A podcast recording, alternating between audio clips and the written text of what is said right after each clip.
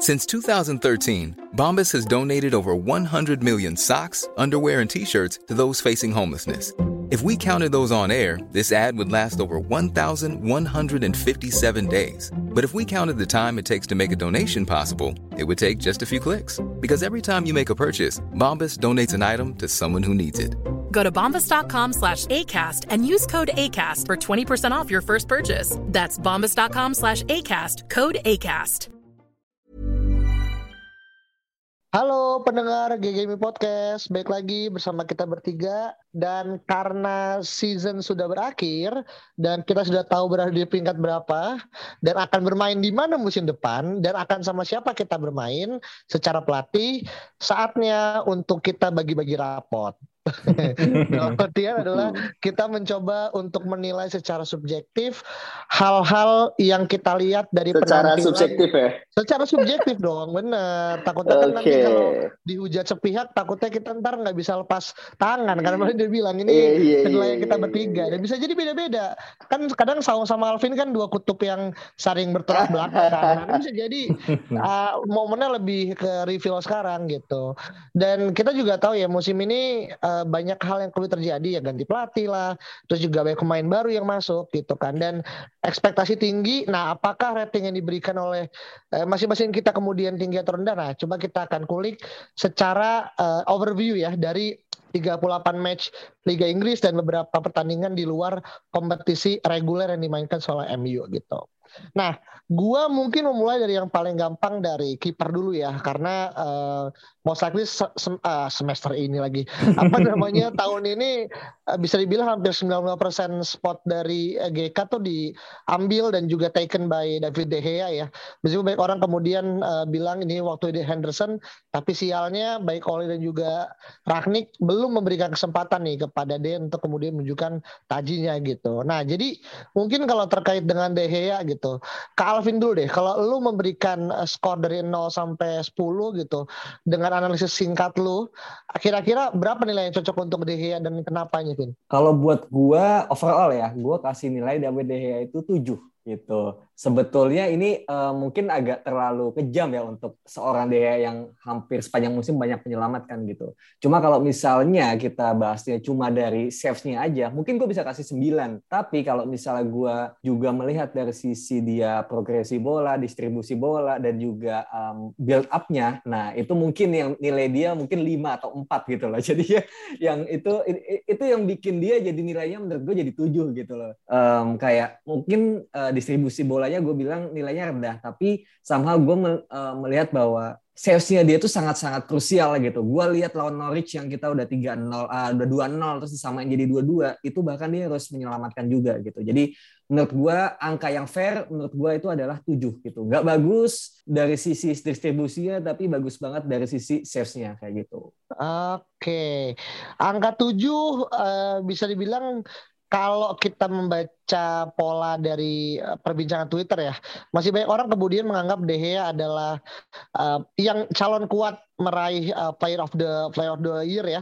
Poti gitu kan. Eh, cuman gue mau nanya ke Saung, gue harap lu kemudian punya jawaban yang lebih ekstrim ya dari apa yang tadi Alvin sampaikan atau lu punya catatan berbeda nggak terkait dengan De Gea sendiri, Ung? Ya De Gea kalau tujuh mungkin gue agak kurang setuju ya. Uh, I think the number should be lower than that lah. Uh, I think bahwa iya maksudnya 57 gol bro kita kebobolan musim ini kan kita goal Tapi kan bukan-.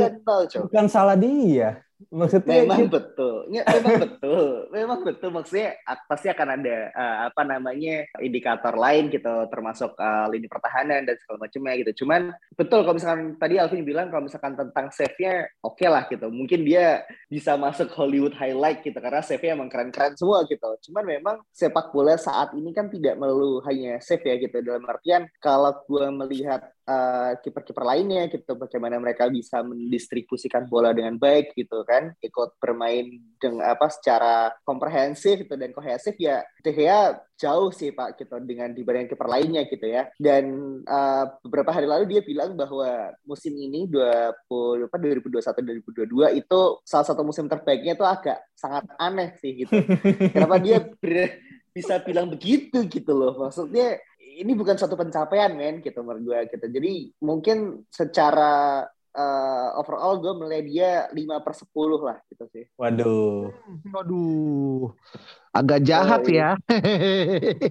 Memang harus sih, Pak. Gimana? Iya, gue iya, suka iya. iya, gue suka De Gea sih, cuman musim ini hampir tidak ada yang ini sih di, di kiper ya. Itu biasa aja sih semuanya menurut gue. Iya, iya. Oke, oke. Wah, ini hmm. Alvin jawabnya 7, uh, Saung 5. Mungkin kalau gue secara singkat ya, ini gue juga ngebaca di beberapa referensi ya. Uh, Man, Manchester Evening News aja bahkan memberikan title, ini tuh adalah second uh, most best uh, Zizra De Gea setelah tahun 2017-2018. Jadi memang gue nggak setuju kalau ini adalah best Zizra De Gea karena kita tahu dia pernah ngelakuin double save Alexis Sanchez tahun 17-19 dan itu menurut gue salah satu yang akhirnya ngebuat De Gea jadi best goalkeeper uh, pas musim itu. Tapi sekarang memang ini agak kompleks karena permasalahan yang muncul tuh bukan hanya datang dari De Gea sendiri juga gitu kan. Dari mulai tahapan defenders pun yang banyak error dan juga kemudian flops yang ngebuat akhirnya goal conceded goal conceded dan juga goals apa namanya uh, uh, apa namanya kita cetak tuh differential nol gitu kan. Yang mana ini agak anomali sebenarnya untuk klub sekelas MU gitu. Tapi baik lagi gue juga nggak mau terlalu judgmental ke De Gea untuk musim ini dalam artian yang udah berakhir gue ngasih di angka 8 sih. Waduh. Uh, satu level di atas, oh. tapi, tapi oh, jauh di atasnya. ya itu, nah ini kan baru awal aja kan ada perbedaan kan, nah, bahkan angkanya aja sangat beragam gitu kan, dan semua punya uh, cara masing-masing untuk kemudian ngebaca pola gitu. Oke, okay. untuk terkait dengan uh, De Gea kita gitu disagree ya, untuk kemudian akhirnya dua orang berada di di atas uh, lima, satu orang akhirnya uh, below dari uh, standar uh, good kayak gitu. Oke, okay, sekarang kita pindah ke uh, mulai dari bek kanan dulu gitu kan. Yang mana gue pengen highlight dua pemain ya yang akhirnya di paruh musim awal uh, Aaron Wisa Aaron Wisaka gitu kan. Tapi paruh musim kedua lebih banyak Diego Dalot untuk kemudian uh, bermain peran. Nah, kalau terkait dengan Aaron Wan Bisaka Diego Dalot, lu sendiri menilainya berapa Ung untuk dua pemain yang main di sektor uh, flank uh, fullback ini Ung? Mungkin Wan Bisaka uh, empat terus Diego Dalot lima kali ya. Okay. Uh, pertama karena kembali lagi eh, ini part of the problem juga sih kenapa kita kebobolan 57 gol ya. Di masa di mana fullback itu punya kontribusi lebih dalam uh, dalam segi menyerang gitu dan dalam segi bertahan.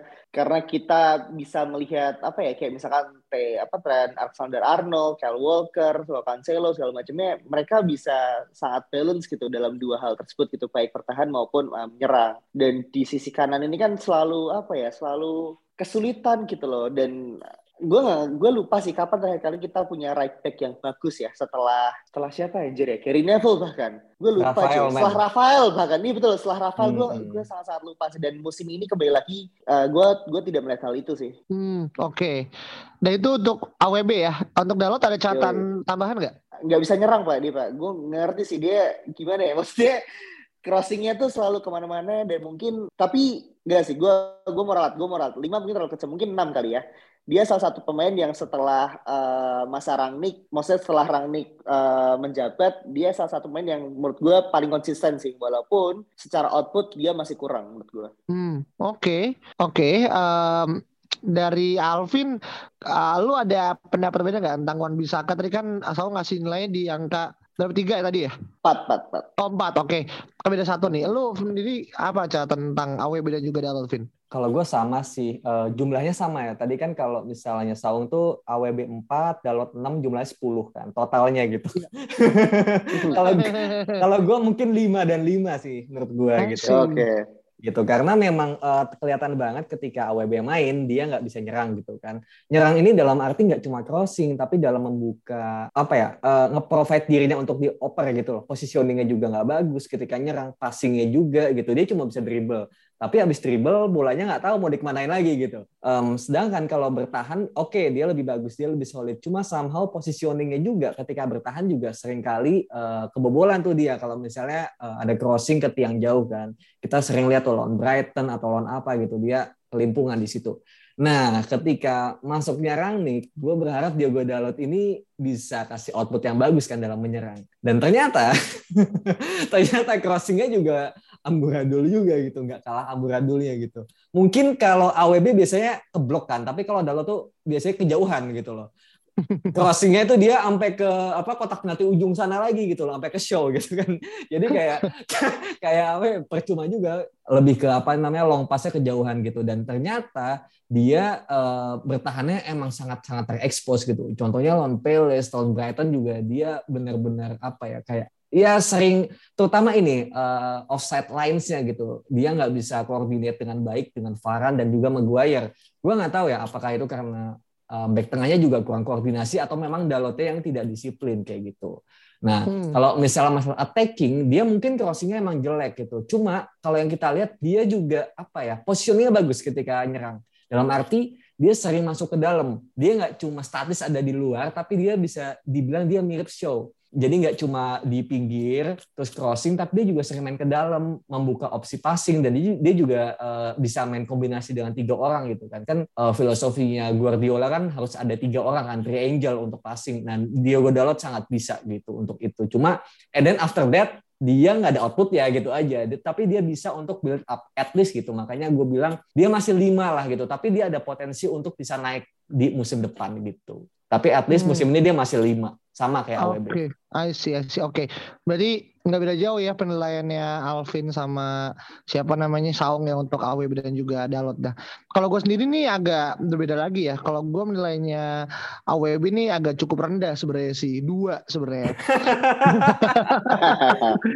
uh, dan pertama kenapa dua? Gue mau minta maaf juga karena gue juga satu orang yang dulu pas AWB sempat dibanding-bandingin sama TAA tuh gue adalah orang yang kemudian sangat vokal tuh di Twitter gitu kan. Padahal setelah kita tahu dan Rahni ngebuka boroknya, ternyata ya memang AWB is not that special gitu. Ya, baik lagi ya terkait dengan tadi yang Alvin bilang uh, defending at the far post, pressing, crossing gitu kan. Uh, gue nggak ngelihat AWB ini adalah play adalah tipe pemain yang bisa ngangkat MU bahkan misalkan pun akhirnya uh, kita berhasil menduduki peringkat lebih baik pun kalaupun dia tetap main gue nggak ngelihat kita akan main Liga Champions juga dengan dia juga gitu jadi uh, gue harus uh, sangat menyayangkan kita mengeluarkan duit 63 juta pounds ya buat AWB tapi lebih dari itu gue ngerasa dia nih bisa cocok ketika pelatihnya tidak sesuai dengan uh, dengan Ole juga gitu. Ini yang akhirnya gue takut uh, nanti ketika musim depan, nah ini agak panjang tapi ini intinya dia nggak bisa beradaptasi lah dengan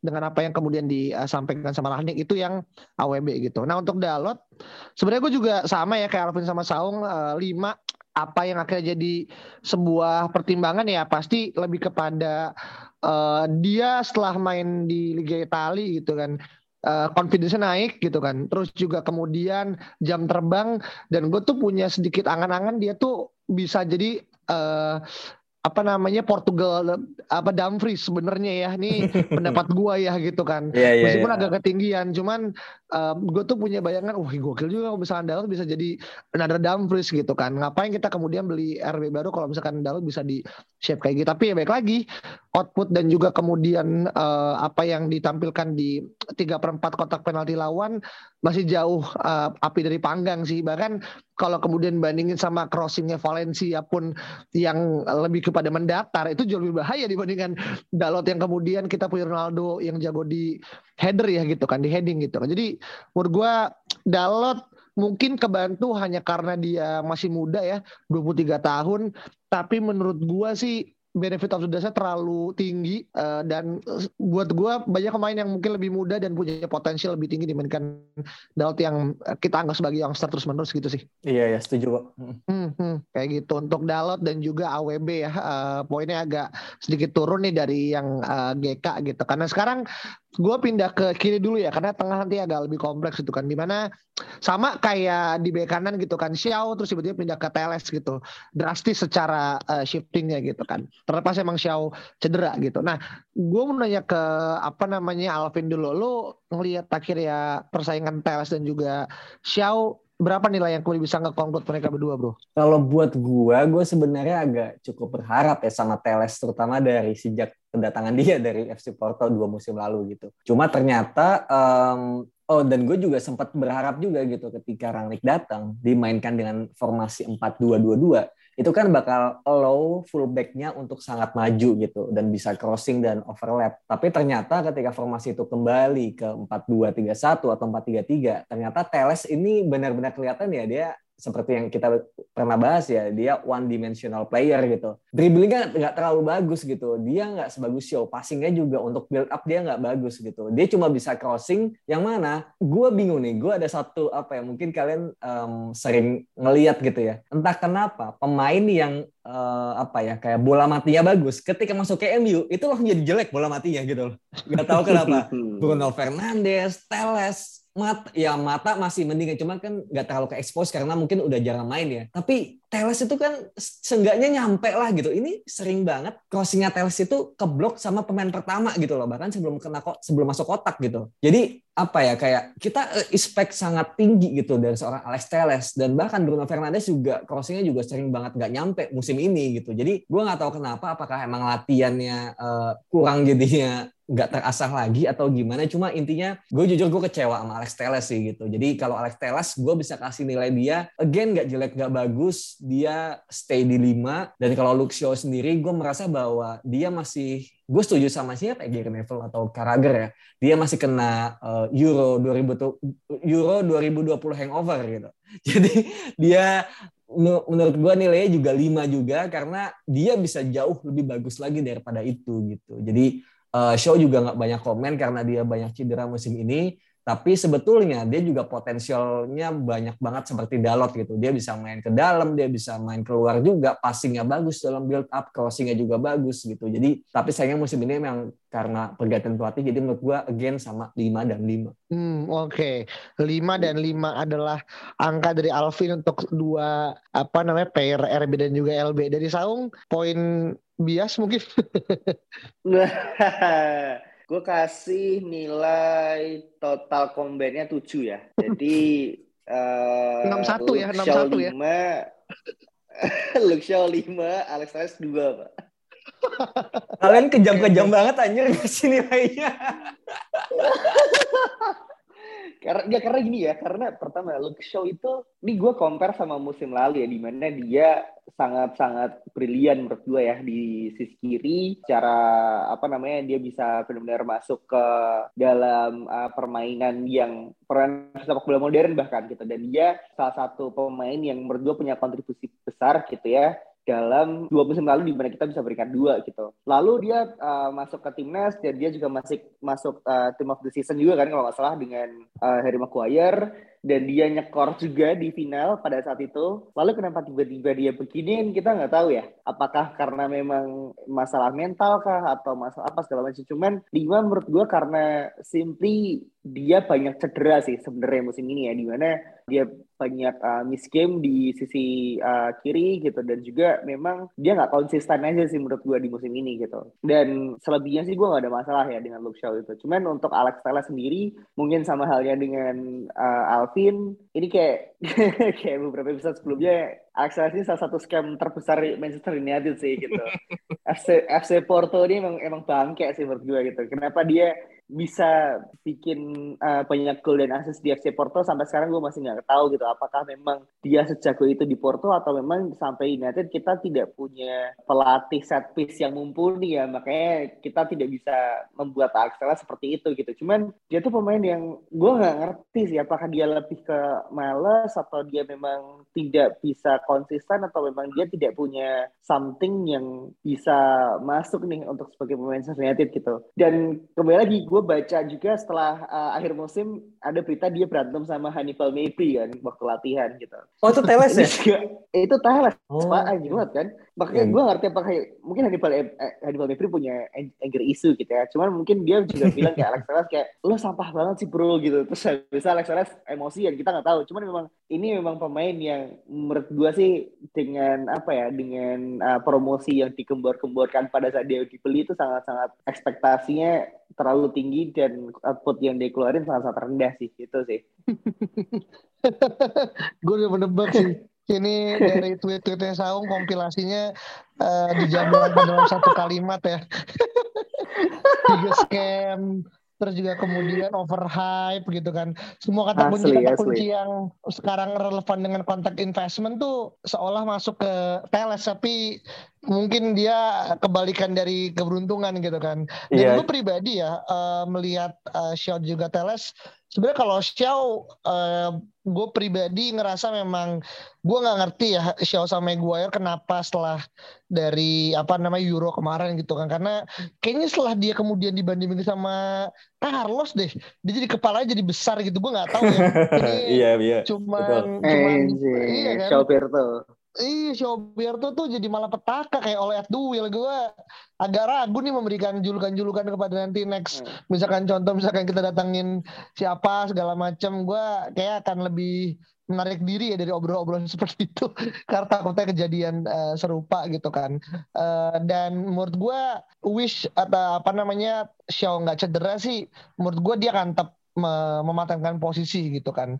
Tapi untuk setengah musim dia main gitu kan, ditambah mungkin masih ada demam dari uh, Euro, gue masih ngasih di angka 5 lah. Uh, menurut gue tuh uh, angka yang paling bijak gitu kan. Yang kedua untuk Teles sama ya kayak Saung gue pribadi juga merasa ini kalau kemudian mungkin orang bilang BB adalah pembelian terburuk, menurut gue ini jauh lebih buruk sih. karena karena BB itu dibeli ketika dia umurnya masih di bawah 20 tahun gitu. Nah, kalau Teles dibeli sih umurnya udah 27 gitu kan. Dan menurut gua kalau tadi Alvin bilang eh, yang free kick ya kemudian eh, bagus terus pindah kayak menjadi jelek, gue malah merasa kayak kenapa orang yang kita beli dari liga apa namanya liga Portugal selain di Bruno ya eh, itu juga kurang eh, bisa apa namanya menunjukkan tajinya sih. Kayak mungkin nanti kita bahas ke Lindelof gitu kan eh, terus juga Teles gitu. Jadi gue nggak tahu apa yang kemudian salah gitu. Dan gue nggak tahu ya kayak Teles nih selain free kicks apa jangan-jangan dimasukin pas free kicks doang gitu. Gue mikirnya malah se, se itu gitu penalti Kenapa? shoot out yang pas lawan Villarreal kan juga dia dimasukin buat penalti doang kan. Iya, itu dia makanya. Bahkan kemarin gue bilang di akhir-akhir eh, tiga sampai empat match eh, sebelum eh, season di di akhir kan gue berharap eh, Alvaro Fernandez akan dapat chance kan. Terus nggak dapat dapat kan sampai bahkan sampai akhir yang cuma di akhir cuma di bench doang. Gue mikir salah salah tiga, salah dua ketidak mem, ketidakmampuannya apa namanya Alvaro adalah dia nggak punya uh, muscle otot gitu kan untuk kemudian bisa berakomodasi di uh, Liga Inggris kasta utama. Yang kedua dia nggak punya free kick sense aja gitu. Lainnya menurut gue dia punya potensi jauh lebih bagus ketimbang Teles yang tadi mainnya cuma satu dimension dan kayaknya untuk ke depannya well dia kemarin dikomentarin sama Arik Ten Hag bingung nih gimana dan juga disuruh kemudian eh, posisinya supaya lebih benar sama Ronaldo dan juga Fernandes kan menurut gue ini kan sebuah tanda tanya besar untuk orang yang kemudian main di LB-nya MU loh. Kita dulu punya Evra, kita dulu punya eh, apa namanya Gary Pallister gitu kan. Terus kemudian eh, dari ke Teles menurut gue ini agak agak downgrade secara Iya. ini ya, secara output. Bahkan lebih iya, lebih jago Fabio kan menurut gue. Nah, at least Fabio bisa berantem sama Gerrard, bro. Teles nggak bisa itu yang menurut gua kurang agresifnya. Teles tuh cuma menang datang dari Amerika Latin aja gitu. Untung nggak ada orang yang bilang eh, Teles adalah Marcus Rojo 2.0 ya. Cuman menurut gue sih dia ya gue gak tahu kenapa dia juga dipanggil ke squad Brazil ya. dan gue juga nggak nonton Brazil gimana mainnya sih. Cuman eh, gue nggak tahu apakah emang ini MU yang salah terus di Brazil main bagus atau dua-duanya dia juga emang eh, lagi jelek aja. Tapi menurut gue poinnya sih gue kasih tiga sih kalau untuk eh, Teles nah kita sekarang pindah ke posisi back tengah ya. Yang mana gue mau ngambil tiga komposisi eh, Lindelof, Maguire dan juga eh, apa namanya Rafael Varane. Gitu. Eh gue agak lebih ke sound dulu kali ya karena ini menurut gue ak- akan lebih puncak komedi lagi ya untuk back tengah makanya gue taruh di akhir gitu. Gimana, Ong? Oke, dua enam lima empat. Waduh, 05. Nah, kira-kira kira-kira empat sih kira-kira. Dengan, El Capitano. ya, dengan kalian tertawa kayaknya setuju kan dengan apa yang gue bilang. Jadi oke mungkin mungkin mulai dari bawah kali ya. Eh, empat karena Maguire musim ini sangat luar biasa jeleknya gitu ya dengan eh, apa namanya performa yang dibandingkan dengan dua musim lalu yang menurut gue sangat bagus dan sangat konsisten musim ini luar biasa buruk menurut gue gitu. Entah dari sisi uh, positioningnya dari sisi uh, defendingnya dari sisi uh, apa namanya sebagai kapten juga pun dia sangat buruk menurut gue gitu. Dan hampir semua kejadian-kejadian unik dan lucu gitu ya itu selalu ada Maguire di situ. Entah entah kenapa gitu gue gak ngerti dan memang ini yang apa ya gue juga bingung sih kenapa ketika dia dikritik dia tuh se seolah-olah kayak merasa dia anti kritik gitu. Dan ini harusnya seorang kapten tuh nggak seperti itu gitu men. Maksudnya lo harusnya bisa menjadi seorang yang apa ya kritik terbesar untuk diri lo tuh ya harusnya diri lo sendiri gitu. Cuman memang orang ini tuh agak agak bebel menurut gue gitu. Di mana ketika lo dikasih tahu halo punya uh, kesalahan di ini dan di situ he just doesn't care man gitu. Dia main untuk dirinya sendiri menurut gue gitu. Itu yang untuk Maguire ya. Dan untuk uh, Rafael Varane dia sangat unlucky sih menurut gue gitu. Ketika dia bermain, gue merasa lebih nyaman dan tenang ya, lebih uh, aman. Cuman rekor injurinya musim ini gue cukup sangat-sangat menyayangkan sih gitu. Harusnya dia punya uh, apa namanya part yang lebih banyak gitu di musim ini. Cuman memang uh, he's been very unlucky gitu. Itu sih menurut gue. Kenapa gue kasih lima? Karena uh, ya dia sebagian besar tidak memiliki apa ya peran sih di musim ini gitu. Dan untuk Lindelof 6 karena pertama dia konsisten dan dia satu-satunya uh, eh, CP yang berdua uh, menjadi seorang penyelamat sih di sebagai apa ya sebagai seorang uh, defensive line gitu. Dari empat orang pemain dia yang satu-satunya bisa punya rasa ketenangan dan memberikan uh, rasa nyaman dan aman bagi penonton menurut gue ya. Dan juga menurut sih mungkin. Ketika ketika dia Gea dihadapkan uh, untuk passing gue pasti memilih uh, dia pasti memilih untuk passing kali dulu daripada Boyer sih dan ini memang di, ditunjukkan dengan uh, chemistry dia dengan De Gea ya yang menurut gue dari beberapa musim lalu pun mereka punya chemistry yang cukup bagus sih seperti itu. I see, I see. Oke. Okay. 054 nih anak tangga nih. Alvin, oh, iya. apakah 789? Tentu saja tidak. Asal satu dua tiga. Aduh. Aduh jangan dong. Uh, kalau gua dari Maguire ya, gua kasih nilai dia sayangnya tiga sih gitu. Kenapa tiga? Okay. Karena apa ya kayak dia downgrade itu benar-benar jauh banget dari musim lalu gitu. Terutama setelah dari Euro juga gitu. Jadi kayak kita udah udah udah high expectation banget gitu ketika di Euro bagus banget bisa cetak gol kemudian di final ketika dia nggak main pas MU lawan Villarreal juga impactnya ternyata segitunya gitu. Cuma ternyata abis itu dia benar-benar ancur banget gitu. Gue sama melihat kayak apa ya ada kemungkinan dia terbebani dengan status kapten ketika ada Ronaldo gitu. Jadi kayak somehow dia nggak bisa uh, dapat pressure ya sebesar itu dari Ronaldo. Dan mungkin dia melihat bahwa ini sebetulnya ada sosok yang lebih leadernya leadership itu lebih bagus. Cuma somehow kok gue gue masih jadi kapten gitu. Cuma gue juga nggak mau ngelepas gitu. Jadi dia terbebani dengan uh, apa ya uh, ban kapten itu menurut gue. Itu yang bikin dia juga jadi nggak perform. Karena apa ya menurut gue ya skill is permanen gitu. Tapi kalau form itu temporary gitu sih menurut gue. Jadi gue masih yakin Maguire ketika musimnya di reset dan juga mungkin kita udah pernah bahas ya kata Saung kalau nggak salah. Perannya itu di apa ya? Di uh, dibuat lebih spesifik. Lu khusus untuk menghalau bola atau mungkin positioningnya bagus dan juga untuk build up gitu. Tapi lu nggak usah jadi kapten gitu loh. Jadi kapten memang berikan saja kepada orang yang lebih pantas gitu dan memang udah uh, servingnya lebih lama gitu. Jadi menurut gua ada hal-hal yang ketika orang itu memang udah nggak sanggup ya udah kasih ke yang lain aja. Sama kayak layaknya Ed Woodward kalau emang nggak sanggup pegang bola ya udah lu kasih aja ke orang yang emang sanggup yaitu John Burtov kan kayak gitu dan itu udah hal yang paling bijak menurut gue daripada lu memaksakan hal yang emang lu gak bisa kayak gitu. Itu uh, Maguire. Tapi kalau Lindelof gue masih merasa dia uh, lima karena gue sering lihat itu out of position juga gitu. Terlepas dari dia juga bisa kasih uh, assist atau passing-passing yang uh, ciamik ya dari belakang. Cuma gue melihat bahwa dia juga sering out of position dia sering pressing tapi lainnya nggak pressing gitu. Itu kan bagian dari komunikasi dan juga koordinasi gitu. Jadi menurut gua dia masih punya potensi cuma uh, sayangnya musim ini dia harus gua kasih 5 dan untuk Farhan juga gue kasih nilai 5 karena memang badai cedera gitu. Yang gue juga jadi refer ya kepada statementnya Coach Justin yang uh, dia bilang kalau ya Farhan ini Real Madrid ya. Real Madrid itu ketawa ngejual Farhan 50 juta gitu. Kayak ya sebetulnya dia udah lewat masanya gitu. Dan gue harus uh, akui juga beberapa gol Farhan harusnya bisa antisipasi itu lebih baik. Gue inget contohnya lawan Aston Villa, gol Coutinho atau gol siapa gitu. Yang di away ya gitu. Itu menurut gue Varane harusnya bisa antisipasi lebih bagus lagi. Terus gue lawan Young Boys ketika dia dimasukin untuk uh, jadi tiga back kan karena ada kartu merah. Itu menurut gue dia juga harusnya bisa memberikan proteksi lebih baik tapi ternyata enggak. Nah, kalau terkait dengan 555 uh, apa 654 gitu. Gue pribadi mungkin menilai Varan, Maguire dan juga Lindelof ini sebenarnya agak cukup anomali ya karena gue mikir kayak dengan squad seperti ini harusnya kita masuk ke top 3 elite defenders gitu kan. Bahkan tapi di Liga kita nggak bakal bisa nggak bisa bersaing dengan empat besar tiga besar gitu. Dan kalau terkait dengan Farhan dulu deh karena kan Farhan kan orang baru ya gitu kan. Yang mana uh, eh, gue awalnya juga sama kayak Alvin uh, tidak setuju dengan apa yang Coach Jasin bilang gitu kan karena menurut gue ya Champions League Varan tuh adalah sebuah jaminan kalau kita itu bisa melaju sampai semifinal. ya itu dulu ya pas awal-awal hype-hype-nya Champions League Varan gitu kan.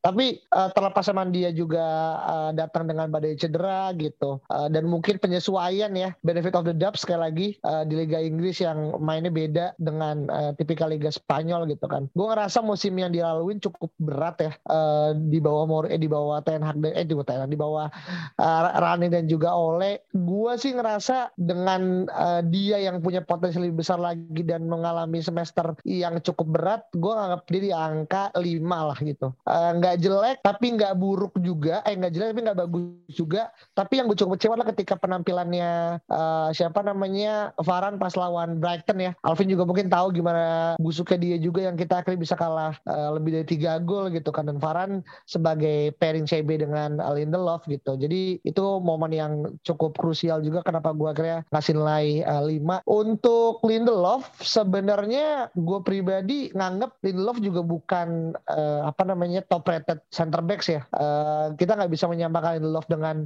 Ruben Dias ataupun mungkin dengan Eric Laporte yang mungkin sebenarnya datang dari klub yang uh, second like division gitu kan. Uh, cuman gue ngerasa Lindelof ini kalau dalam bahasa psikologinya tuh sellingnya dia tuh emang udah segini gitu. Lu nggak bisa naikin hmm. lagi dia ke level yang lebih tinggi hmm. lagi gitu kan dan gua kadang mikir ya apa untuk nge-unlock Lindelof dia harus jadi botak lagi yang lebih sangar gitu kan? Benfica kan dia botak kan makanya dianggap iya, iya, iya. Iceman kan Ice gitu kan? Karena dia iya, iya. iya kan botak terus juga sangar. Sekarang tuh dengan dia berambut apalagi pernah ngepost foto ah, gemai gemulai dengan pakaian dress cewek ini udah meruntuhkan uh, karismanya dia banget meskipun nggak ada hubungan ya. Cuman gua ngerasa uh, Lindelof as a CB gitu dia mungkin bagus dalam uh, terkait dengan umpan-umpan jauh ya yang kemudian direct pass gitu kan. Dan beberapa kali juga dia ngelakuin uh, apa namanya direct pass meskipun bukan sebagai uh, apa direct assist ya, tapi uh, second direct assist itu juga yang gue lakuin satu poin penting dari Lindelof. Tapi baik lagi ada beberapa hal yang gue ngerasa Lindelof ini masih kikuk dan juga masih nggak cukup pede dengan dengan uh, dengan bola ketika ada di kakinya sih itu yang akhirnya jadi jadi poinnya akhirnya gue ngerasa Lindelof uh, ada ada kelemahan di sana gitu. Professional nah, player lah ya dia. Iya iya hmm. ya menurut gue sih kalaupun dia akan bertahan nggak bakalan jadi pemain inti lah untuk untuk ke depannya sih gitu sih. Oh, terus untuk kapten kita ya uh, Kapten Maguire sayang uh, terlepas dia pernah dapat kemarin uh, masuk penjara dan segala macam uh, memang sindromnya Euro nih memang sangat lekat. Dan gue juga pas di awal-awal dia main jelek tuh gue masih meng mencoba hmm. untuk memberikan uh, yeah, apa namanya? Yeah. enggak nih nggak apa-apa kok. Ini cuman dia masih ini kok segala macam. Mungkin gagal di final Capean dia masih kali. Uh, iya kan? Masih baby yeah. blues juga. Kecapeannya sampai satu musim tuh iya kok. Iya. kan masalahnya gitu kan? Yang mana kayak menurut gue dia dia gini dia kan bermain peran dua ya. Dia sebagai kapten dan dia sebagai seorang defender. Karena menurut gue ini dua roles yang berbeda gitu kan. Sebagai defender dia kemudian akhirnya sering banget uh, flop dan juga membuat kesalahan-kesalahan yang yang elementer bahkan gitu kan. Yang akhirnya ngebuat MU harus uh, kejebolan gitu. Dan yang kedua secara kaptensi gue ngeliat dia punya dia mungkin secara physical look dia terlihat sangat captainable ya mungkin ya. Kalau kita ngelihat Maguire yang gagah gitu kan. Cuman juga sih. Enggak juga sih. Berarti berarti gue aja mungkin terlalu ngelihat dia uh, apa tinggi gitu segala. Cuman uh, itu itu ini ya maksudnya ya cara gue kemudian. Cuman kalau ketika kita lihat uh, gimana dia kemudian melakukan advokasi konfirmasi kepada wasit, terus juga kemudian mencoba untuk akhirnya masuk dalam uh, diskusi-diskusi intens ketika mungkin di babak-babak uh, terakhir segala macam. Gue ngeliat dia nih tahu gimana kemudian harus uh, akhirnya bertindak gitu kan. Beda mungkin uh, sama Ronaldo yang mungkin udah terbiasa dan ini gue bukan ngebela Ronaldo jadi kapten ya tapi gue pribadi ya merasa mungkin ya ini faktor non teknis uh, gue tuh ngerasa ketika Ronaldo tuh ada dua matahari dalam satu uh, rumah gitu loh dan ini kan hal yang dihindari ya bro ya maksudnya lu mau sebagus apa pun dalam sebuah tim ya ya nggak akan ada nggak boleh ada dua matahari gitu matahari hmm. cuma satu gitu kan yang mana hmm. di sini hmm. gue ngeliat uh, Ronaldo akan adalah matahari saingan gitu ya akhirnya ngebuat Gue ini seolah gue pengen nunjukin kalau gue bisa, tapi sialnya kemudian uh, confidence gue nggak belum apa segala macam, eh ujungnya berdampak pada performance dia gitu kan. Dan itu menurut gue cukup mengecewakan dengan dia didatangkan dengan label uh, pemain bintang, terus juga kemudian dengan harga price tag yang nggak cukup murah dan udah masuk ke musim kedua justru bukannya naik malah justru nurun gitu kan. Bahkan gue sih ngerasa kalau dia main di pramusim juga tetap kayak gini nggak ada jaminan dia akan bisa bertahan juga sama Glenn Lindelof itu poinnya sih. Untuk gue jadi untuk uh, gue gue kasih tiga lah untuk uh, musim ini. Mantap. Mantap. Iya kan mantap. harus harus ini harus kita harus slatter harus uh, objektif dan kadang keji dibutuhkan karena udah nggak ada lagi. Lu bilang marah-marah ya nggak ada game lagi gitu kan. Ada di bulan Juli. Itu pun juga free season kan nggak ada yang terlalu peduli juga gitu. Jadi uh, itu untuk defender ya kita udah memberikan uh, catatan yang tidak cukup enak gitu kan bahkan nggak ada yang nyentuh angka 8 bahkan gitu kan 7 kayaknya juga nggak ada gitu kan. Jadi mungkin kalau kita pindah sedikit geser ke tengah gitu kan uh, ada Fred dan juga McTominay as double pivot dari Saung ngelihatnya gimana penampilan mereka peralihan dari oleh ke oleh ke Ragnik di semester ini? Wah, McFred ini awalnya mungkin dia menjadi ini ya uh, satu kesatuan atau satu unit yang uh, tidak terpisahkan dan memberikan lini tengah yang solid gitu di masa oleh Gunnar Solskjaer gitu. Mungkin bahkan sampai di uh, awal-awal musim mereka masih bisa menunjukkan hal tersebut gitu ya. Cuman uh, setelah itu lini tengah kita tuh seakan-akan kayak orang nggak bisa main bola sih Pak. Maksudnya compare to other teams ya dan bagaimana mereka bisa punya uh, lini tengah yang solid dan yang sangat punya chemistry di McFred ini udah udah kita udah nggak bisa melihat hal tersebut gitu. Mungkin dengan dengan injury rekornya juga si Fred juga gitu ya, juga McTominay yang dia mungkin tidak tidak sesering itu cedera ya. Cuman ketika dia bermain pun dia tidak ada nothing special about game gitu loh. Jadinya kayak bahkan menurut gue ya uh, McTominay mungkin uh, dia tidak bisa menjadi starting lagi sih gitu di musim depan gitu. Mungkin untuk untuk tim sekelas Manchester United mungkin dia hanya selevel bench player sih gitu. Dengan, hmm. per, dengan apa ya performa yang dia tunjukin musim ini gitu sih. Hmm. Uh, orang-orang bilang kayak iya McTominay kan bisa jadi uh, Darren Gibson gitu atau dia bisa jadi kayak semacam uh, apa namanya Fletcher gitu ya. Cuman kan itu Sir Ferguson gitu. Dan ini dan mereka kan dua pemain itu pun juga bukan seorang starting player gitu loh. Iya iya. They know their iya kan, they know their place dan ketika mereka dikasih kesempatan ya mereka akan sangat all out gitu main untuk Ferguson dan main untuk Manchester United gitu. Dan gue rasa pemain-pemain ini uh, dari mereka yang merasa apa ya, they need to be humbled sih main gitu bahwa mereka tuh uh, bisa diganti gitu uh, apa namanya posisi mereka di di starting eleven gitu sih. Jadi kalau misalkan hmm. uh, untuk gue kasih nilai, gue rasa pemainnya uh, empat lah okay. ya uh, empat dan Fred I think 5 sih men gitu dengan uh, Oh enggak, sorry, gue terlalu kecam sih men. 6 sih, Fred. Oke, oke. Iya, iya.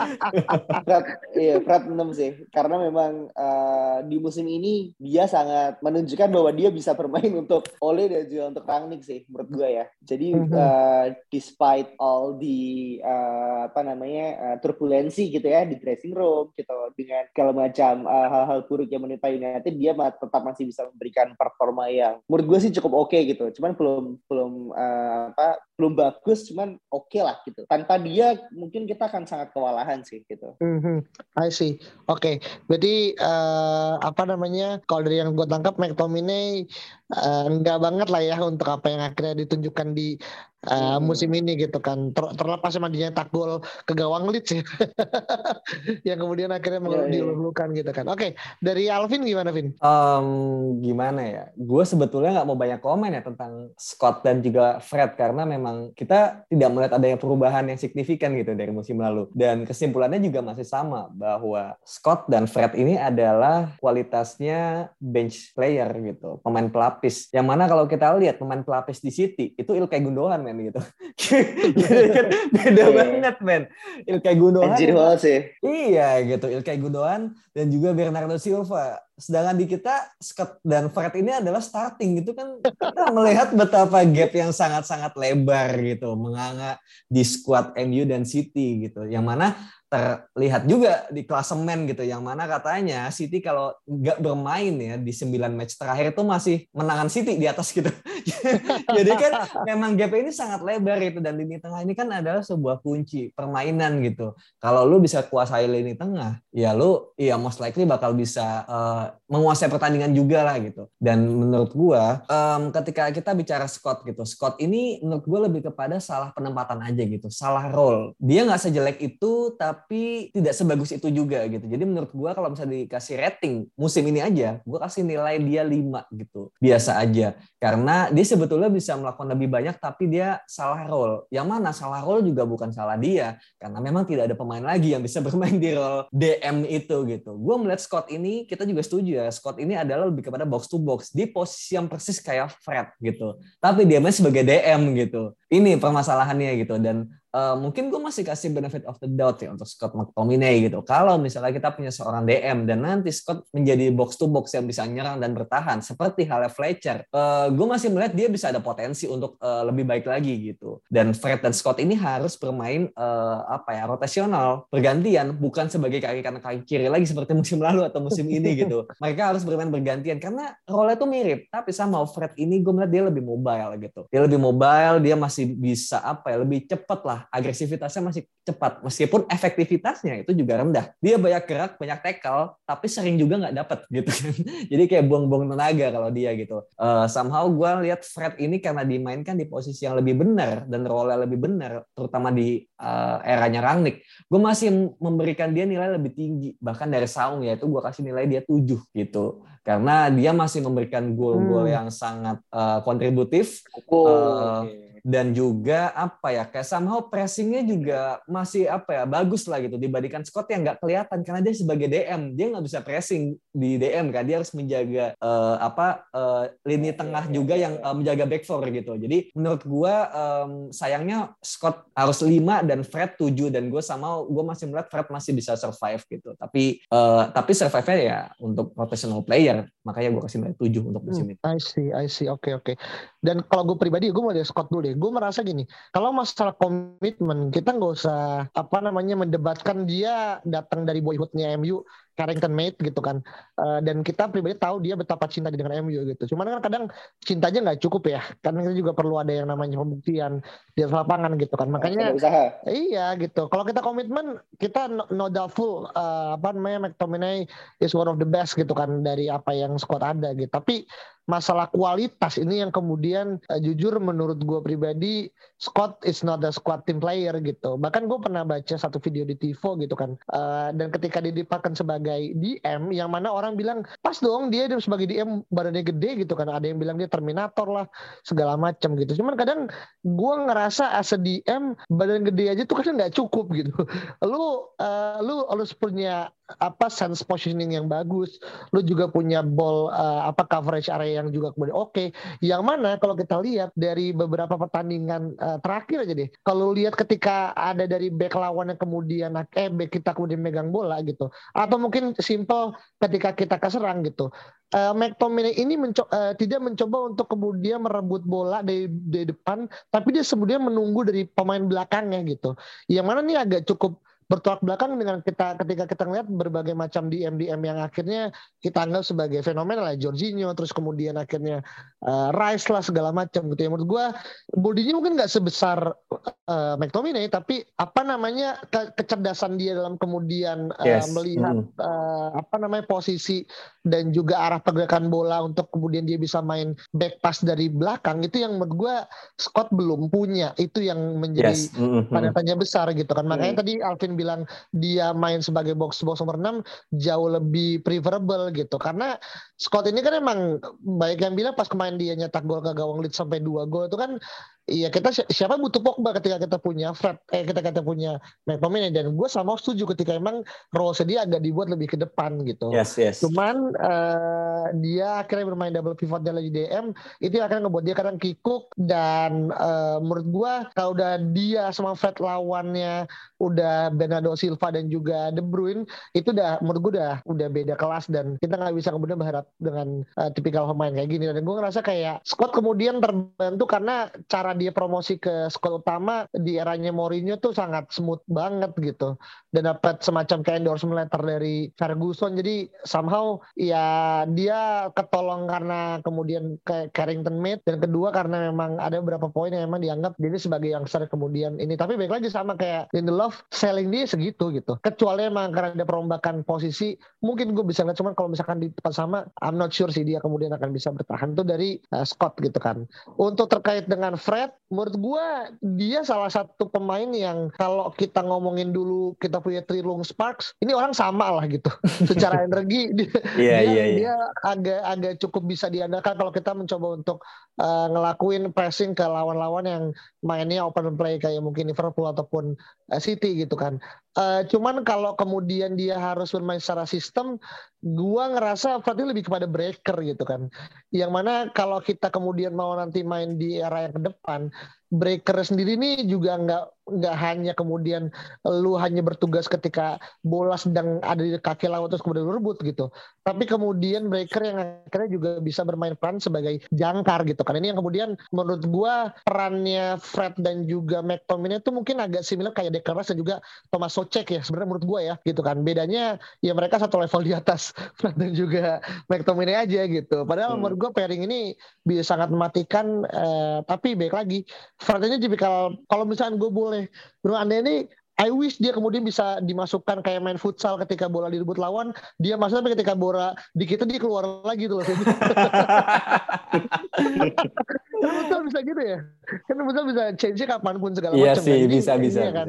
Iya, ya, dia menurut gua tipikalnya kayak kayak seperti itu gitu. Jadi itu sih yang akhirnya menurut gue jadi uh, posisinya uh, Fred tapi gue akuin ketika dia kemarin di bawah Carrick sempat beberapa game dan dia agak dimajuin tuh menurut gue salah satu poin peningkatan Fred ya di di di musim ini gitu kan uh, selain emang di bawah mm -hmm. oleh ya dia dapat kepercayaan semacam kayak guarantee apa namanya place ya gitu kan bahkan harus ngebuat Pogba akhirnya main di sisi kiri dan akhirnya membuat Fred Santomene jadi ini kan berarti kan ada sesuatu nih yang akhirnya uh, ada di lini tengah jadi menurut gua itu yang akhirnya jadi poin dari uh, Fred dan juga McTom gitu. Nilainya nah, berapa bro? Oh iya nilainya sih gua ngerasa untuk Fred gua 5 apa namanya Tom ini 4 lah itu paling fair ya gua nggak ngerasa dia buruk banget kayak ada kayak at least gue gak pernah ngerti tentang McTominay sebanyak gue ngerti tentang Alex Telles. Hmm. jadi gue gak, gak gue gak ngasih angka itu aja sih sebenarnya sih poinnya. Berapa jumlah tentang gue tuh tentang pemain oke okay. itu tentang uh, eh, DM ya. Sebenarnya ada satu lagi ya tentang uh, Nemanja Matic. Cuman ya gue mau agak skip ke depan gitu kan itu di bagian uh, Paul Pogba dan juga uh, Bruno Fernandes gitu nah ini pemain yang uh, banyak orang kemudian menganggap dua dua mau out gitu kan. Cuman ternyata uh, ada beberapa friksi bukan antara dua main tapi masing-masing main punya masalah masing-masing yang ngebuat somehow Fernandes akhirnya jadi menurun produktivitas gitu kan karena mungkin dia dia ditempatkan sebagai kayak di musim lalu dan uh, Pogba ya dengan baik lagi isunya dengan agen dan juga ya kontrak gitu. Uh, lu gimana Vin menanggapi Vin? Um, Pogba dan Bruno Fernandes ya. Ini memang dua orang yang mengecewakan ya jujur ya gitu karena ketika kita melihat performa mereka di musim lalu yang gimana mereka bisa berbagi peran Bruno sebagai AM literally di sentral dan juga Pogba yang ke uh, bermain dari sayap tapi masuk juga ke sentral membantu Bruno Fernandes gitu. Dan musim ini gitu, kita kan juga melihat ketika awal musim ya, katanya Oleh mau mengganti ke 4-3-3 ya kan. Kita udah excited banget nih. Oh, bakal ada Bruno dan juga Pogba nih dalam 4-3-3 kayak Kevin De Bruyne dan juga Bernardo Silva gitu. Cuma ternyata balik ke 4-2-3-1 gitu. Dan um, apa ya, somehow kita sempat mungkin diberikan angan-angan palsu ya ketika di um, match pertama Pogba itu asisnya udah empat men gitu asisnya cuma empat tapi hmm. abis itu sekarang totalnya cuma sembilan gitu sampai akhir musim jadi kayak uh, vouchernya dihabisin di match pertama. Dan uh, for recap aja, Pogba ini banyak cedera dan juga apa ya? Gue ingat ketika Bruno Fernandes ini absen dan juga digantikan oleh Pogba, gue tidak melihat Pogba ini ternyata bisa mereplikasi peran Bruno dan juga mereplikasi permainan dia ketika di bawah Ole ketika masih interim gitu. Kita melihat Pogba ini di 4-3-3 di uh, gelandang kiri itu dia bagus banget. Tapi nggak tahu ya di musim ini tuh dia kayak ya udah kayak udah selesai aja gitu. Udah mencapai kalau bahasanya dia sih udah top sellingnya aja. Dia udah di situ. Yang mana gue bukan melihat top selling dia ini karena skillnya dia mentok, tapi karena dia udah nggak mau gitu, dia udah nggak niat gitu, udah karena dia udah tahu dia udah mau cabut gitu, jadi dia udah udah effortless aja untuk itu gitu. Jadi menurut gue Pogba udah literally abis aja, dia udah nggak bisa terlalu banyak diandalkan. Ya beberapa momen bisa ketika misal lawan Brighton uh, kita butuh gol, and then kita masukin Pogba dan dia bisa assist kepada Bruno gitu. Tapi ya it's just one moment dan juga uh, apa ya kayak nggak konsisten. Jadi untuk Pogba sendiri gue kasih nilai dia itu 5 sayangnya 5 gitu. Karena juga kita lihat di pertandingan Liverpool ya dia harus kartu merah gitu. Dan kalau misalnya bicara Bruno Fernandes ya secara khusus gue juga sangat kecewa gitu.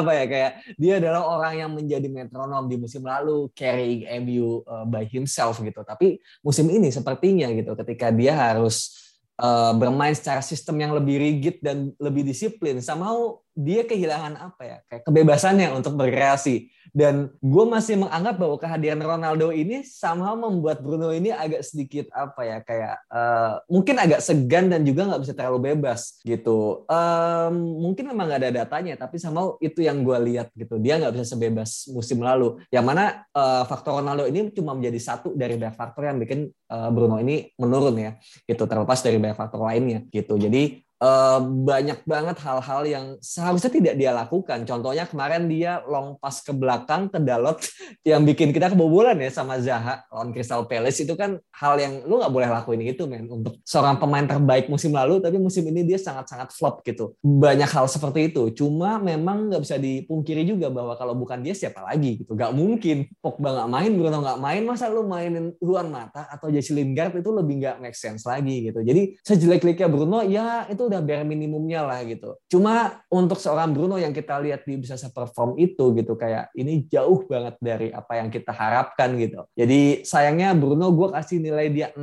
gitu sih. I see, oke. Okay kan gue bilang kan kompleksnya kompleksitasnya semakin tinggi entah yang satu karena masalah mood dan kontrak yang satu masalah bermain yang tidak lagi sesuai dengan apa yang dikasih di free roll di musim lalu gitu kan nah sekarang kita ke Saung lu hmm. pribadi ngelihat uh, Pogba gitu mungkin ini sebagai last season dia gitu dan juga ya. Fernandes yang mungkin akan bermain peran baru ya karena ada yang ya, ya. umur-umur dia akan bermain sebagai uh, left wing forward ya yang uh, digadang AMS Adoni eh, gimana kira lu kemudian melihat season uh, dua pemain ini Om? Uh, sama kayak Alvin ya mungkin Pogba menurut gua sangat gue lupa sih kapan terakhir kali dia uh, menjadi seorang bintang dalam match ya dalam artian memberikan penampilan yang wih anjing Pogba keren banget gitu gue gue lupa sih sejujurnya ya jadi mungkin dia sudah merasa bahwa musim ini adalah musim terakhir dia, dia tidak akan perpanjang kontrak dan dia tidak punya uh, something to fight for sih menurut gue gitu di musim ini gitu. Jadinya ya memang dia kembali lagi dia bermain hanya untuk dirinya sendiri gitu. Gue sebagai penonton melihatnya sih seperti itu gitu. Iya iya betul. Jadi ketika jadi ketika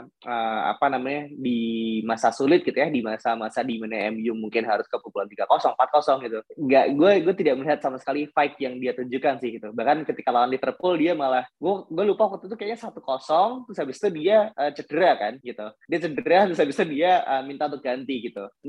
Maksud gue uh, lo kan pemain bintang ya ya kan? Lo pemain yang uh, apa namanya tumbuh besar di uh, apa namanya di Academy United lo pindah ke Juventus split transfer lo di harga 80 juta pounds dan ketika ini musim terakhir lo dan lo melihat tim masa kecil lo itu sangat buruk gitu ya harusnya ada sedikit pride lah gitu dalam diri lo yang menunjukkan bahwa anjing gue nggak bisa sih melihat apa tim gue kayak gini gitu. Dan ini yang yang apa ya yang gue tidak melihat dalam Pogba gitu musim ini gitu. Jadi gue mungkin kasih nilai dia I think tiga lah gitu sih untuk untuk Paul Pogba gitu. Sementara untuk uh, Bruno Fernandes betul sekali sangat mengecewakan gitu. Banyak uh, miss apa namanya miss passnya dia gitu. Banyak uh, apa namanya uh, momen-momen di mana yang seharusnya dia bisa menjadi uh, hero gitu tapi malah dia jadi zero gitu. uh, kembali lagi gitu compare to musim sebelumnya gitu di mana dia sangat-sangat uh, luar biasa gitu ya. Sangat punya uh, mungkin sebagai katalis kali ya setelah setelah dia dibeli dari uh, Sporting Lisbon lalu dia menjadi uh, pemain yang jaminan starter lah menurut gue gitu. Bahkan di FPL pun mungkin dia guaranteed triple captain gitu atau kapten gitu di mana apa di masa dia selalu bisa cetak dua tiga gol gitu atau tiga asis empat asis dia dia bisa gitu. Bahkan at some point kita compare dia tuh uh, Kevin De Bruyne kan gitu cuman yeah, yeah. Uh, yeah. dan sekarang dia uh, tertinggal sangat jauh gitu uh, oleh Kevin De Bruyne bahkan atau dengan dengan performanya musim lalu dia sangat sangat jauh sih dia uh, apa namanya he's become a ghost uh, for for himself gitu dia mungkin uh, cetak standar terlalu tinggi bahkan untuk dirinya sendiri gitu di masa sulit sulit untuk mereplika performa tersebut gitu cuman uh, saat ini mungkin di musim terburuknya dia tetap bisa mencetak rekor gitu ya untuk uh, chance creator tertinggi. Dan mungkin uh, dia cukup ini ya unlucky ya menurut gue ya di mana strikernya sangat sangat bapuk semua ya kan? Uh, dari mulai Rashford dari mulai Martial Cavani bahkan Greenwood yang uh, punya kasus itu terus tiba-tiba dia harus hilang gitu kan? Uh, Ronaldo yang mungkin BT kali ya gue ngerti apakah dia BT ataukah memang dia apa usianya dia mulai mengejar performanya cuman memang secara visi dia masih apa Bruno Fernandes masih punya sih masih ada gitu. Kualitasnya dia tuh masih ada gitu di situ. Cuman memang uh, formnya sedang sangat buruk jadi gue kasih dia nilai tujuh sih. Wih di wih di Yoi. ya. Yoi, karena musim lalu okay. mungkin dia sepuluh men. Iya iya iya. Jadi iya iya. Hmm, hmm. iya iya iya. Oke oke. Waduh tadi Pogba juga udah ya uh, saung juga segala macam gitu kan. Yeah, yeah. Nah, kalau gua ya, tadi kan Alvin ngomongnya the metronom, terus eh, Sao ngomongnya the katalis, gue ngomong uh, Fernandes itu the messiah kali ya, biar lebih uh, lebay gitu kan di musim lalu gitu kan. Dan wajar semua dari kita pasti punya uh, penghakiman kalau Bruno akan melakukan hal yang sama. Ditambah ada Ronaldo gitu kan. Jadi yang awalnya cuma Bruno yang kemudian ngangkat MU ini ada Ronaldo. Eh ternyata gitu kan dari case uh, musim ini dengan Bruno. Pertama gue belajar uh, bahwa nggak semua pemain tuh fit ketika ditaruh di banyak tempat. Itu pertama. Dalam artian bukan banyak tempat lebih kepada ditaruh di posisi yang kemudian lebih lebih rigid gitu kan. Sama pakai 4231 gitu. Sama Bruno sebagai AM, tapi roles uh, dan function tuh beda gitu kan. Lo kemudian bisa kerja di posisi yang sama, tapi day to day operation lu uh, ngejain beda hal itu lo bisa akhirnya dari dapat E, e jadi dapat C gitu kan. Itu menurut gue yang dialami sama Bruno gitu kan.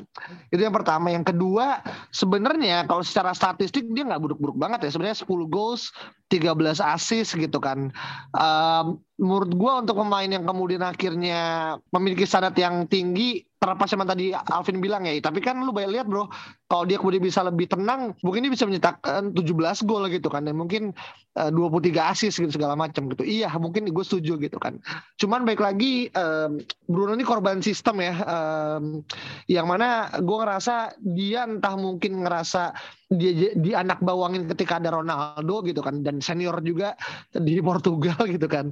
Jadi gue ngerasa ber, Ronald, uh, Bruno ini kayak kehilangan Taji karena dulu tuh dia adalah one bisa dibilang ya one man star yang kemudian eh gue bisa lo ngangkat ngangkat MU ini.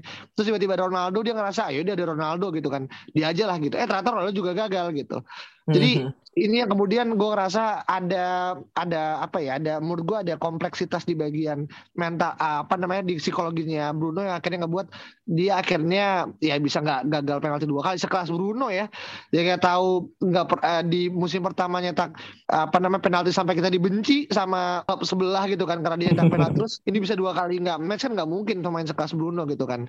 Uh, untuk kemudian uh, segala macam gitu. Itu Bruno dan untuk nilai gue tuh kasih nilai yang gak tujuh sih karena apa yang dilakuin tetap uh, impactful di spot of mungkin beberapa hal teknis. Untuk Pogba, um, gue selalu ngerasa drama Pogba ini bisa dijadikan uh, serial di Netflix ya untuk terkait di MU sendiri gitu kan. Ya sebenarnya keseluruhan lah, tapi menurut gue kalau Neymar aja punya, kenapa Pogba nggak punya gitu kan? Kalau Neymar perfect chaos, kalau kalau kalau MU dan Pogba tuh kayak apa namanya you getting paid for free gitu loh. Judul yang akhirnya gue ngerasa uh, yang tepat untuk gimana gimana akan menambahkan Pogba. Dan baik lagi ya kayak kalaupun akhirnya Pogba ngerasa ini musim terakhir dan dia mempertaruhkan harga dirinya kadang untuk dilihat pemain sama klub luar gitu kan dia mungkin ngerasa kayak ya form is temporary but class is permanent. Jadi dia ngerasa kayak ya udah gue main jelek pun at least PSG at least uh, apa namanya uh, Juve akan nge, nge gue dan ternyata bener kan uh, ya Pogba juga nggak main bagus-bagus banget gitu kan dan kita bisa lihat dia juga kemarin cedera lah uh, dapat kartu merah lah segala macam yang justru ngebuat tim juga jadi lebih uh, tidak tenang gitu kan. Jadi gue ngerasa uh, Pogba sendiri pemain bagus di dia bagus secara kualitas tapi musim ini dia lack of motivation aja sih itu yang akhirnya ngebuat akhirnya kenapa akhirnya gue selalu kontrak itu menjadi salah satu kunci utama untuk pemain itu kemudian berpengaruh di lapangan gitu. Makanya pas kemarin Fernandes pun akhirnya sisa kontrak 2 tahun itu gue agak degan ya. Karena kan ini tapi ternyata dia uh, apa namanya sign agreement lagi segala macam uh, dan harapannya sih itu yang akhirnya jadi sebuah pembelajaran sih untuk uh, Fernandes juga Pogba.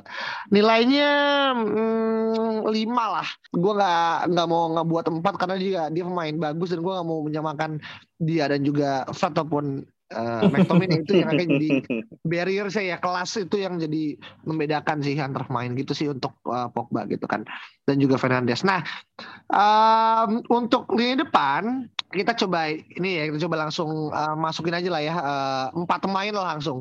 Sancho sama Rashford dulu aja kan. Sancho dulu ya. Oke, okay. Sancho dan Rashford dulu ya. Uh, Sancho tentu pembelian yang sangat uh, luar biasa untuk United. Uh, saga yang sangat panjang ya dua musim. Lalu akhirnya uh, dia masuk ke United dengan sangat kurang beruntung menurut gua gitu ya. Di mana harusnya dia bisa meledak tapi malah melempem gitu. Bukan salah dia gitu bukan salah dia tapi memang karena situasi dan kondisi yang sangat tidak tepat untuk pemain yang baru masuk lalu kita punya ekspektasi berlebih sih. Karena memang kondisi yang uh, kurang oke okay gitu di di klub. Cuman untuk uh, performa yang dia tunjukkan gitu dengan uh, apa namanya uh, kualitas yang dia punya gua rasa sih uh, 6 sangat make sense ya sangat logical gitu. Ketika kita melihat bagaimana dia di Borussia Dortmund, dia punya uh, visi misi dan link up yang sangat oke, okay. dia punya IQ sepak bola yang tinggi gitu. Cuman memang kita saat ini tidak bisa melihat itu karena itu tadi gitu, kita tidak bermain dengan pola yang jelas gitu, dengan hmm. formasi yang jelas. Para pemain juga punya ambisinya sendiri-sendiri. Kita tidak apa ya, kita tidak bersatu lah gitu. Secara starting eleven, secara permainan kita tidak punya clear plan yang jelas gitu. Jadi memang ini sedikit banyak berdampak dengan Jadon Sancho sih gitu. Cuman ketika dia bermain sangat hopeful sih sebenarnya gitu. Dia punya clear uh, vision yang jelas dia mau ke mana gitu dia mau passing ke siapa dia punya uh, justifikasi lah kenapa dia shoot gitu ya bahkan uh, ke apa namanya hal-hal seperti itu tuh sangat terlihat gitu di Jadon Sancho sih menurut gue dan ini kan sangat berbanding terbalik dengan Marcus Rashford gitu yang sebelumnya uh, mencetak 20 gol per musim gitu ya uh, berturut selama dua musim hmm. dan uh, setelah dia operasi bahu kita sangat berharap ya uh, akan jadi seperti apa nanti Rashfordnya uh, apa Rashford di musim ini gitu karena memang di musim sebelumnya aja dia cedera bahu aja masih bisa cetak dua ke 20 gol nih gitu. Hmm, Apalagi hmm. yang uh, Rashford yang sehat seperti sekarang gitu. Cuman memang ya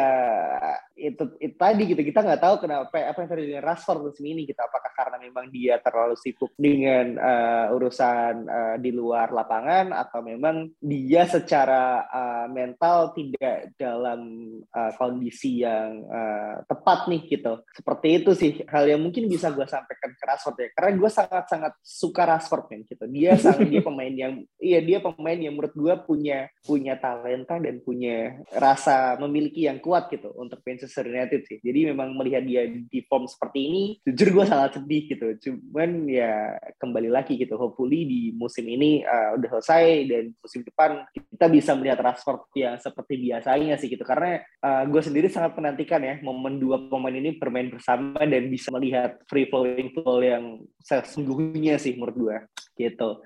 Jadi untuk nilai gue rasa tiga kali ya untuk Marcus Rashford musim ini.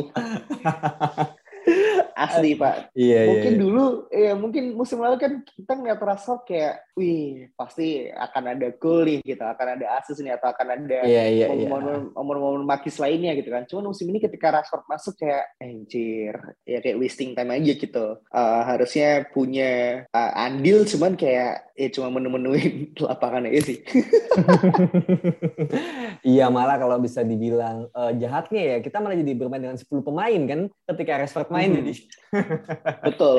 Iya, betul iya. benar-benar. Uh, uh, kalau dari gua sendiri sih, gua mungkin uh, Rashford dan Sancho nggak banyak komentar yang uh, tambahan ya, karena memang yang disampaikan yeah. Saung juga udah sama gitu. Uh, ketika kita uh, high expect kepada Rashford ketika habis operasi, bahkan kita udah bikin episode khusus kan, Rashford habis operasi kan, kita ber berandai-andai ini Rashford bakal main di mana, pas kembali bakal gimana formnya, ya kan? Yeah. Tapi ternyata malah lebih jelek lagi gitu. Ternyata lebih bapuk Iya kan? Kita... Bahkan iya bang, iya benar bahkan mungkin lebih bapuk dari musim debut dia ya. Iya, iya pasti gitu karena debut dia iya, iya. bahkan bisa dibilang bagus gitu. Ini menurut gua Rashford uh, apa ya kayak lowest pointnya tuh dia ya di musim ini gitu. Bahkan ketika habis yeah, operasi yeah. gitu. Jadi uh, ya menurut gua ya emang karena banyak faktor kan karena faktor uh, ganti pelatih, kemudian juga mungkin apa namanya confidence juga dan isu-isu di luar lapangan itu sih uh, dan nggak tahu ya mungkin isu Greenwood uh, karena sesama timnas Inggris ada koneksi ke sana, gue juga nggak tahu ya. Cuma uh, intinya gue juga kecewa ya dengan Rashford. Dan kalau nilai sih gue nggak tiga tapi empat lah gitu. Karena uh, somehow dia masih ada gol di awal-awal gitu kan. Dan juga dia masih bisa menunjukkan lah sesekali gitu. Cuma somehow dia emang jelek gitu. Sancho juga gue setuju sama lu. Uh, dia korban dari sebuah sistem yang tidak jelas gitu. Padahal dia sangat skillful dan dia punya intelligence yang sangat-sangat tinggi gitu untuk soal pemain sayap. Meskipun dia nggak cepet-cepet banget gitu. Ya um, gue gue melihat bahwa dia punya potensi uh, terutama ya ketika di bawah Rangnick dia udah mulai kelihatan gitu. Dan sayangnya dia ternyata bagusnya di kiri bukan di kanan. Yang mana kita harus beli pemain lagi gitu. Jadi agak bingung gitu. Mungkin kalau kita di kanan dan punya back kanan yang lebih bagus lagi yang bisa uh, apa ya memaksimalkan dia gitu. Kayak dia kan kalau kita yeah. lihat di Dortmund itu kan dia uh, dengan Hakimi kan dulu kan. Dia yeah. kombinasi. Cuma sekarang dia dengan Wan Bisaka yang mungkin uh, bikin three angel passing aja dia nggak bisa gitu. Dan dengan Dalot yang dia masih belum reguler gitu. Jadi menurut gua memang benar dia uh, dari sistem gue rasa Sancho dia masih enam men gitu loh. Karena memang sebenarnya yeah, dia bisa lebih bagus dari itu cuma sama ya musim baru kan gitu. Maksudnya musim pertama dia gitu. gitu sih. Itu kalau uh, eh, gue dari Rashford dan juga Sancho um, kita ke sisi selanjutnya Elanga. gitu kan. Elanga dan juga Cristiano Ronaldo gitu. Dari lo gimana nih? Elanga yang musim debutnya bermain lebih banyak lagi dibanding musim lalu? Iya musim ini Elanga cukup mungkin bisa menjadi pemain yang dapat diandalkan lah oleh Rangnick gitu. Bahkan gue sempat baca berita katanya dia dibilang uh, manager pet man.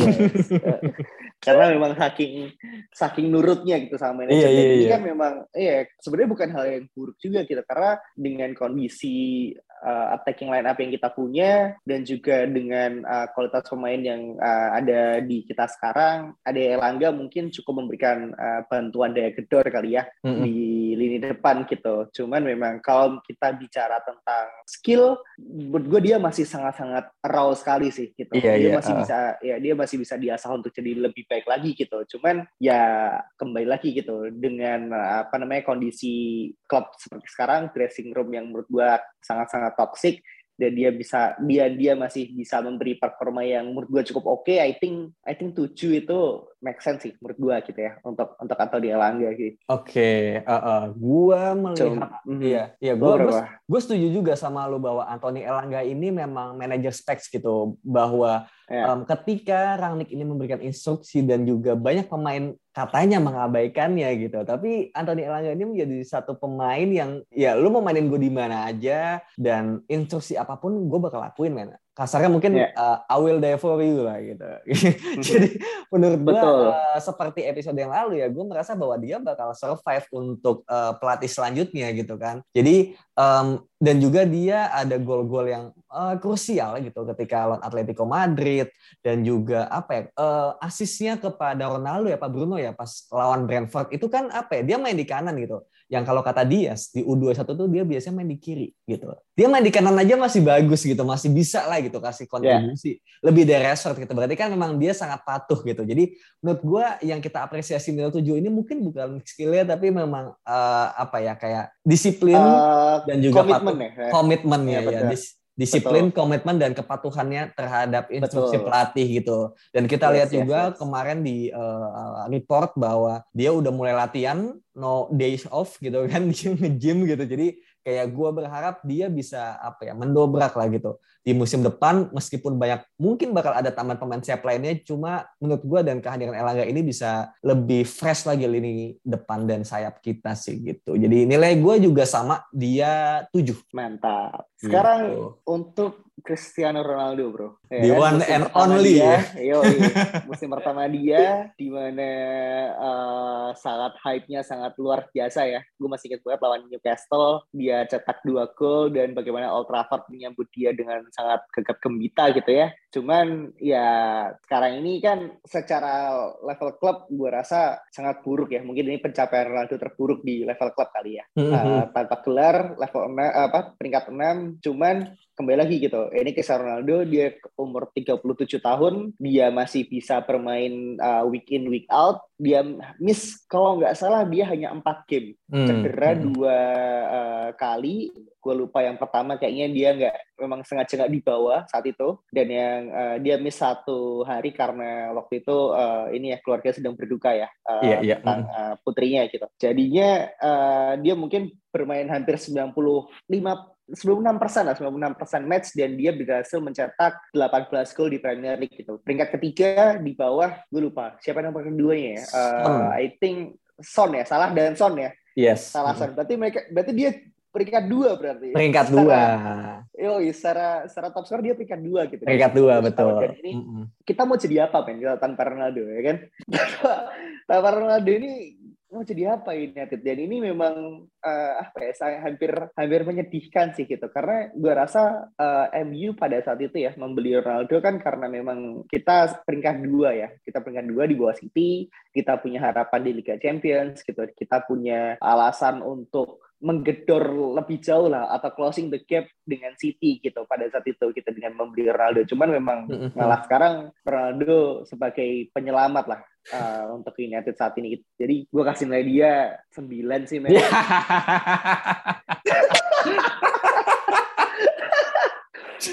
Ter, terlihat sangat bias dan subjektif. Tentu saja bro, gue. Gua gua gua bakal kaget lo ngasih nilai 8. Ini 9, men. Jadi kayak Yo, ya enggak apa-apa lah, enggak apa-apa. Karena mungkin ini ditambah dengan apa ya? Uh, mimpi lu juga kan melihat uh, Ronaldo berkostum MU lagi yang kita mungkin hampir fans semua fans MU juga merasa almost impossible gitu kan. Itu. Um, gua melihat Ronaldo ini apa ya? Um, semua fans MU pasti sangat senang gitu ketika ada kabar dia akhirnya um, kembali ke MU ya. Bahkan kita aja waktu itu kita langsung bikin episode khusus untuk Ronaldo gitu ketika dia diumumkan uh, resmi gitu karena saking ya siapa sih yang nggak senang gitu kan. Cuma sama gue sempat bilang juga gitu. Um, satu hal yang mungkin bisa menghambat gitu adalah egonya. Nah, egonya ini terlihat di um, pertandingan ketika melawan Brentford ketika dia ditarik gitu. Kita lihat bahwa dia sangat kecewa ditarik dan Rangnick harus sampai uh, menghibur dia gitu. Nah, pertandingan kedua adalah ketika lawan Manchester City, yang mana dia memilih untuk left out aja dari squad daripada gue jadi cadangan di pertandingan besar gitu. Yeah. Yang mana ini juga ada beritanya di uh, apa Atletik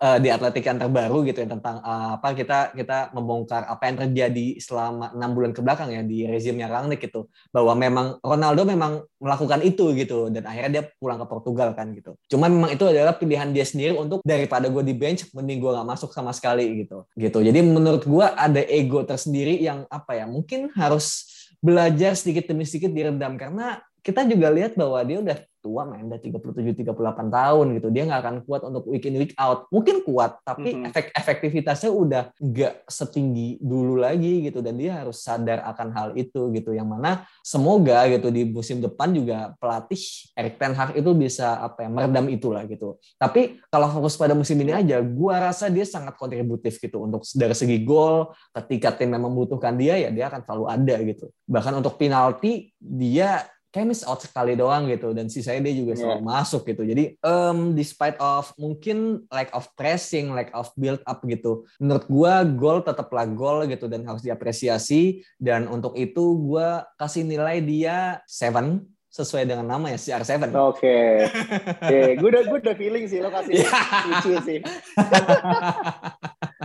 gitu yeah, bro. Yeah, yeah, Jadi kayak apa ya? Kayak gue gue dari tadi kan kasih nilai 7 untuk pemain-pemain yang bagus kan kayak David De Gea, mm-hmm. um, Fred, Elanga dan juga Ronaldo. Menurut gue empat orang itu empat pemain itu adalah empat pemain yang memang menonjol konsisten dari awal musim sampai akhir musim sih gitu. Um, mungkin the majority of the season gitu. Jadi uh, gue nggak karena dari empat main itu nggak ada yang stand out banget gitu. Meskipun Ronaldo stand out tapi dia masih ada apa ya celaknya lah menurut gue jadi gue masih iya gitu. Kan ini maka ini. maka da, iya, iya benar maka dari itu gue nggak kasih 10 pak. Karena masih ada celahnya Aduh, celahnya cuma satu poin ya gitu. Yoi. Karena karena gini men, apa namanya? Lu mesti lihat tadi ada berita katanya uh, di Manchester City pas pertandingan City lawan MU itu Pep itu uh, nyuruh pemain akademi City untuk gua nggak tahu ya lo lo udah baca atau belum ya? Iya iya. Ya udah udah lihat kan gitu dan udah, pemain, udah, pemain iya, akademinya City itu kayak disuruh mereplikasi pemain MU untuk ber, uh, pressing gitu. Dan ketika mencoba yeah. mereplikasi Ronaldo untuk pressing, dia bilang, gue nggak mesti ngapa-ngapain nih, karena emang dia nggak ngapa-ngapain gitu.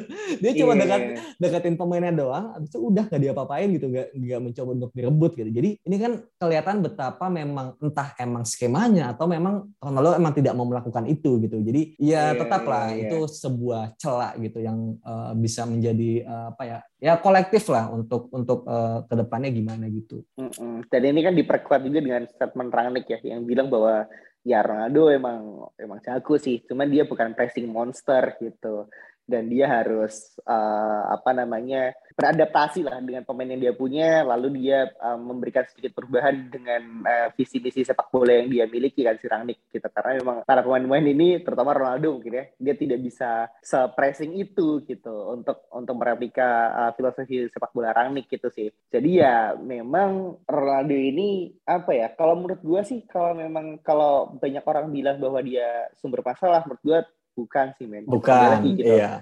Ya dengan gol-gol yang dia cetak itu sangat-sangat berarti sih gitu. Di Premier League terutama ya. Uh, karena kalau memang tanpa dia gue nggak ngerti lagi sih MU akan separah apa gitu. Mungkin akan jadi uh, mungkin akan bersaing dengan Everton kali ya untuk uh, perebutan perebutan spot apa namanya degradasi gitu. Jadi yeah, yeah, yeah. dia iya. walaupun gitu, walaupun dia tidak seimpresif itu gitu dalam artian uh, secara quality dan secara uh, apa namanya uh, performa dan juga secara mentality gitu. Mungkin dia tidak seimpresif itu, cuman uh, gue sangat mengapresiasi sih dengan apa yang dia lakukan sampai akhir musim ini sih. Oke, kalau begitu thank you so much semuanya udah mendengarkan. Kalau kalian punya uh, opini mungkin atau sanggahan atau mungkin uh, setuju dengan apa yang kita bilang, kalian bisa reply nanti di uh, KKMU Podcast dan sampai jumpa di episode selanjutnya. Bye bye. Even when we're on a budget, we still deserve nice things. Quince is a place to scoop up stunning high-end goods for 50 to 80% less than similar brands. They have buttery soft cashmere sweaters starting at $50, luxurious Italian leather bags, and so much more. Plus, Quince only works with factories that use safe, ethical, and responsible manufacturing. Get the high-end goods you'll love without the high price tag with Quince. Go to quince.com/style for free shipping and 365-day returns.